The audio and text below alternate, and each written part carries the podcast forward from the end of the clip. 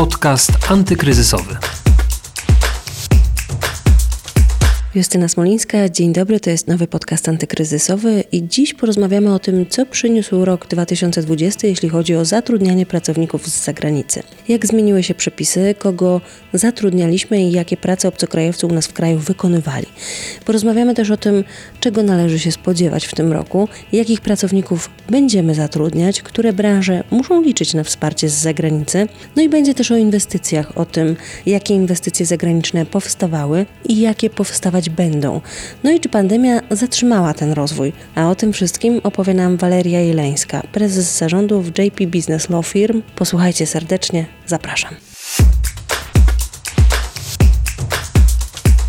Nie można powiedzieć, że potrzebowaliśmy jakichś szczegółowych pracowników, bo zazwyczaj, jeżeli mówimy o zatrudnieniu cudzoziemców, to przede wszystkim mówimy o zatrudnieniu pracowników dla prac prostych. Tego brakuje w Polsce, brakowało 5 lat temu i brakuje teraz. Więc e, tu trendy się nie zmieniły.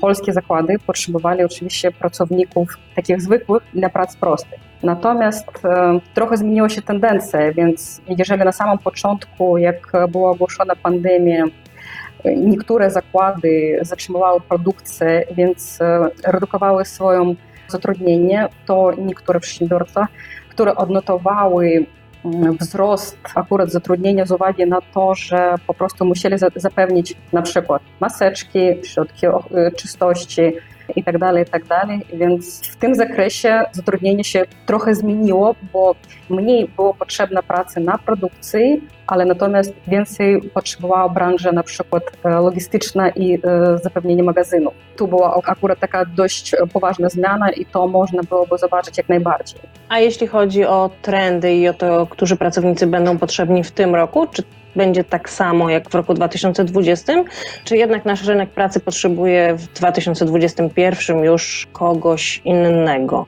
Przełomowy to będzie rok dla jakich pracowników? Wydaje mi się, że akurat w tym roku zmiana będzie trochę nie w branży, natomiast w sposób zatrudnienia. To, co obserwujemy teraz, to, że polskie pracodawcy już bardziej patrzą w stronę pracy tymczasowej. Jeżeli wcześniej na przykład jakiś zakład chciał zatrudniać bezpośrednio osób, to, co się wydarzyło w marcu ubiegłego roku, no, zmieniło jakby ich punkt spojrzenia na zatrudnienie i bardziej patrzą w stronę zatrudnienia tymczasowego.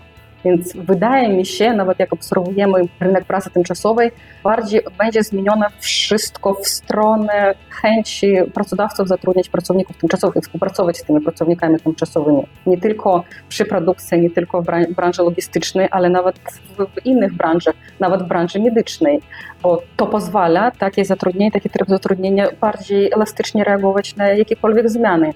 Tego brakowało pracodawcom w ubiegłym roku i myślę, że e, wnioski teraz będą takie, że będą bardziej patrzeć w stronę pracy tymczasowej niż w zatrudnienie stałe. Pani Walerio, Pani komentowała, że właśnie ten nowy rok, ten 2020, będzie przełomowy szczególnie w IT i w medycynie dla pracowników zagranicznych. Dlaczego akurat tam?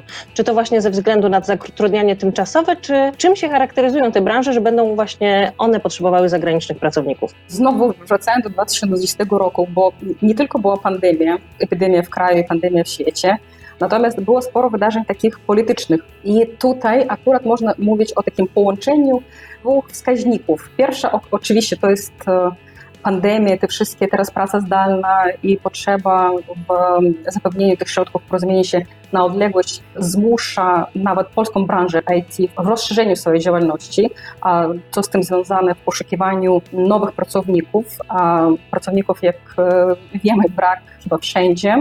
To druga rzecz to jest sytuacja polityczna na wschodzie, u naszych sąsiadów, e, na przykład na Białorusi. I tu mogę powiedzieć, że tak dość szybko i skutecznie zareagowała Polska w tym, że po pierwsze wprowadziła kilka zmian do ustawodawstwa, naszego, że pozwoliła specjalistom z Białorusi, z branży IT, po pierwsze szybko wjechać do Polski, a po drugie być zatrudnionymi już bez zezwolenia pracy. To jest takie ułatwienie, które po pierwsze wspiera obywateli z Białorusi, a po drugie wspiera polskie przedsiębiorstwa z punktu widzenia konieczności zapewnienia braków kadrowych w branży IT. Dlatego taki wniosek, że prawdopodobnie tych wjazdów do Polski, na przykład specjalistów z branży IT z Białorusi będzie więcej i więcej.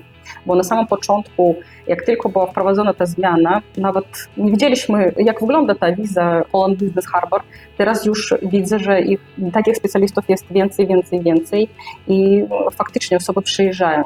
Druga rzecz, o której my mówiliśmy, o tej branży medycznej, to też jakby z jednej strony pandemia i braki kadrowe w branży medycznej mówią, że brakuje siły roboczej, a po drugie wiemy, że możemy skorzystać jeszcze bardziej z pomocy sąsiadów, bo pracowników ze wschodu jest coraz więcej i ich praca jest dość wygodna z punktu widzenia Polski, ponieważ i językowe, mniej problemów językowych, łatwiej tutaj przyjechać, łatwiej z dokumentami i tak dalej, i tak dalej. Dlatego mówiliśmy o tym, że akurat te dwie branże, wydaje mi się, otrzymają taki rozwój, ponieważ dostali dostęp do pracowników, szerszy dostęp i łatwiejszy dostęp. A proszę powiedzieć jeszcze, bo już wspomniała Pani o tych zmianach przepisów, e, to trochę rozwińmy ten temat. Jak zmieniły się te przepisy w 2020 roku? Co się zmieniło właśnie w kwestii zatrudniania obcokrajowców w naszym kraju? Bo już Pani wspomniała o pracownikach właśnie z Białorusi, że się zmieniły przepisy. Co jeszcze? Jakby Pani nam rozwinęła temat? Sporo się zmieniło. Od samego, samego początku obserwowaliśmy to dzięki temu, że między innymi obsługujemy kilka dużych podmiotów zatrudniających sporo osób. Dla tych podmiotów akurat było bardzo ważne śledzić, co robić z dokumentami, jak to będzie wyglądało. I przede wszystkim trzeba też um, zaznaczyć, że reakcja Polski była dość szybka, błyskawiczna, bo po pierwsze przedłużyli możliwość pracy na podstawie tych dokumentów, które już były odebrane przez pracodawców nie zmieniając tych dokumentów. Na przykład, e, jeżeli tak prostymi słowami mówić, e, to jeżeli osoba miała zezwolenie na pracę i to zezwolenie się skończyło na przykład w lipcu, to ta osoba wciąż mogła pracować e, nad tym samym zezwoleniem. Nie trzeba było go zmieniać, nie trzeba było uzyskiwać nowego zezwolenia. To było najważniejsze ułatwienie chyba dla polskich pracodawców, było bardzo ważne. Druga zmiana była też dość poważna to przedłużenie e, wiz dla pracowników do końca epidemii albo do końca zagrożenia epidemicznego, to też było bardzo ważne, ponieważ jak zaczęła się epidemia, można było obserwować nawet tłumy na granicach, bo cudzoziemcy wyjeżdżali, bo nie wiedzieli, jak będzie wyglądało to wszystko później, czy będą mogli wyjechać, jak będzie z ich dokumentami, czy nie będzie przekraczany e, legalny pobyt, co później będzie skutkować takimi negatywnymi skutkami, powiedzmy. I najważniejsze, zmiana, która była wprowadzona tą tarczą antykryzysową, to jest akurat przedłużenie tych dokumentów, które legalizują pracę i które legalizują pobyt. Wciąż obowiązuje. Myślę, że to było znaczne ułatwienie nie tylko dla pracodawców, a również dla urzędów bo nie trzeba było składać ponownych dokumentów, więc e, nie było takiego nakładu pracy dla urzędów w tym okresie, ponieważ e, wiemy, że sporo uwagi było akurat przyjęte z punktu widzenia tych urzędów na spełnienie warunków tarczy antykryzysowych. Nie było po prostu mhm. czasu, żeby zajmować się dokumentami, zajmowały się innymi rzeczami. Wiemy to z praktyki. I jakby to była pierwsza, najważniejsza mm, zmiana, która od razu była wprowadzona, jak, jak tylko zaczęła się epidemia.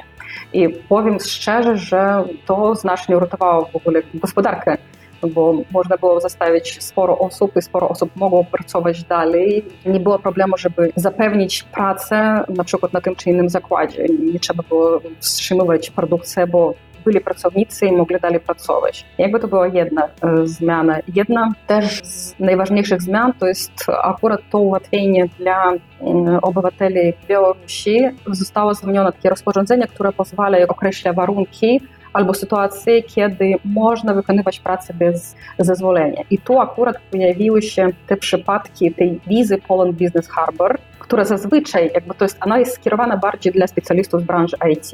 Żeby uzyskać tą wizę na przykład na Białorusi, to osoba po prostu udowadnia, że ma doświadczenie, jest e, specjalistą wysokich kwalifikacji, dostaje wizę, przyjeżdża do Polski i tu już może zaczynać szukać pracy albo pracować e, na rzecz tam tej czy innej spółki. Drugą taką zmianą to jest e, dodanie do listy warunków albo sytuacji, kiedy można pracować bez zezwolenia, jeszcze kolejnych możliwości.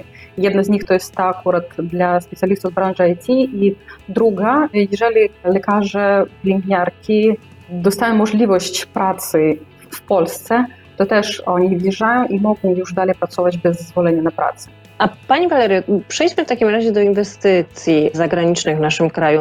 Trochę o tych pracownikach porozmawiałyśmy, to teraz inwestycje.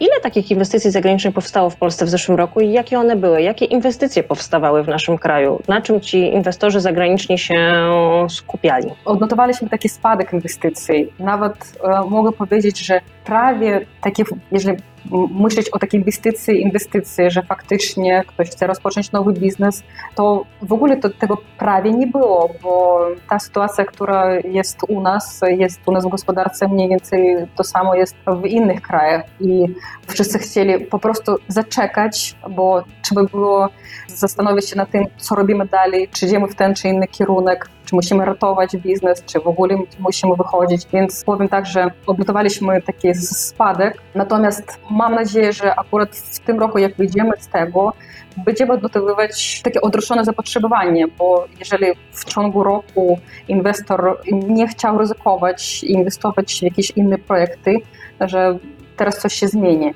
Ale oczywiście znowu ta branża IT, wracając do sytuacji na Białorusi, w związku z tym, że sporo ulg zostało skasowane po prostu z branży IT na Białorusi, plus ta sytuacja niepewna, to wszystko doprowadziło do tego, że inwestorzy, którzy do tej pory na przykład inwestowali w białoruską branżę IT, teraz zmieniają siedziby po prostu swoich zakładów takich informatycznych i wybierają zazwyczaj takie kraje, które są bliżej, bliżej do Białorusi. Bo po pierwsze to jest łatwiej przeprowadzić pracowników do Polski niż na przykład do Stanów. Dlatego teraz widzimy zainteresowanie nawet nie nową inwestycją, ale bardziej przeprowadzeniem i zmianą lokalizacji. I ten rok 2021 e, właśnie będzie takim rokiem odroczonych inwestycji, Pani zdaniem? Czyli te osoby, e, które właśnie się wstrzymały w 2021, te firmy, które się wstrzymały w 2020, to już teraz w 2021 rozpoczną te inwestycje w naszym kraju? Czyli dopóki pandemia się nie skończy, to one będą tak. w tym dalszym tak. zawieszeniu. Jak to będzie wyglądało? Oczywiście, trzymamy kciuki, żeby wszystko się udało, ale oczywiście wszystko jest związane tylko i wyłącznie z pandemią, bo to jest ryzykownie podejmować jakieś nowe przedsięwzięcia, nowe wyzwanie podejmować, to jest bardzo ryzykowne, więc czekają, przedsiębiorcy czekają, co będzie, jak będzie się wszystko rozwijało i to widać nawet w obsłudze naszych klientów. A kiedy Pani zdaniem takie odbicie może nastąpić? Kiedy te inwestycje się pojawią kiedy będzie ich więcej po prostu?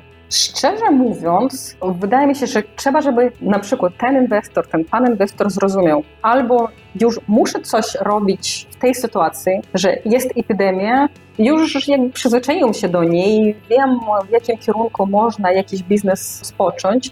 Wydaje mi się, że to będzie jeden taki typ inwestora, który po prostu dopasuje się do sytuacji, a drugi inwestor oczywiście będzie czekać, aż wszystko się uspokoi. I tu oczywiście będziemy czekać, aż sytuacja epidemiczna się zmieni ale jestem pewna i widzę, że sporo przedsiębiorców, sporo inwestorów akurat próbują nawet skorzystać z tej sytuacji. Nie tyle, że skorzystać, tyle, że każda sytuacja e, jako skutek ma jakiś nowy pomysł na biznes, na nowe warunki tego biznesu.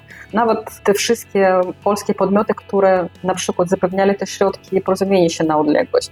Oczywiście to będzie wszystko szło jeszcze dalej, dalej, dalej, będzie się rozwijać wszystkie środki komunikacji, więc po prostu zmieni się trochę kierunek tych inwestycji. Dziękuję bardzo za rozmowę. Naszym gościem była Waleria Jeleńska, prezes zarządu JP Business Law Firm. Dziękuję. Dziękuję bardzo. To już wszystko w dzisiejszym podcaście. Zapraszam Was na kolejne odcinki, a wszystkie rozmowy znajdziecie na stronie pb.pl kośnik antykryzysowy i w aplikacjach podcastowych, w tym na Spotify i Apple Podcasts. Justyna Smolińska, do usłyszenia. Podcast antykryzysowy.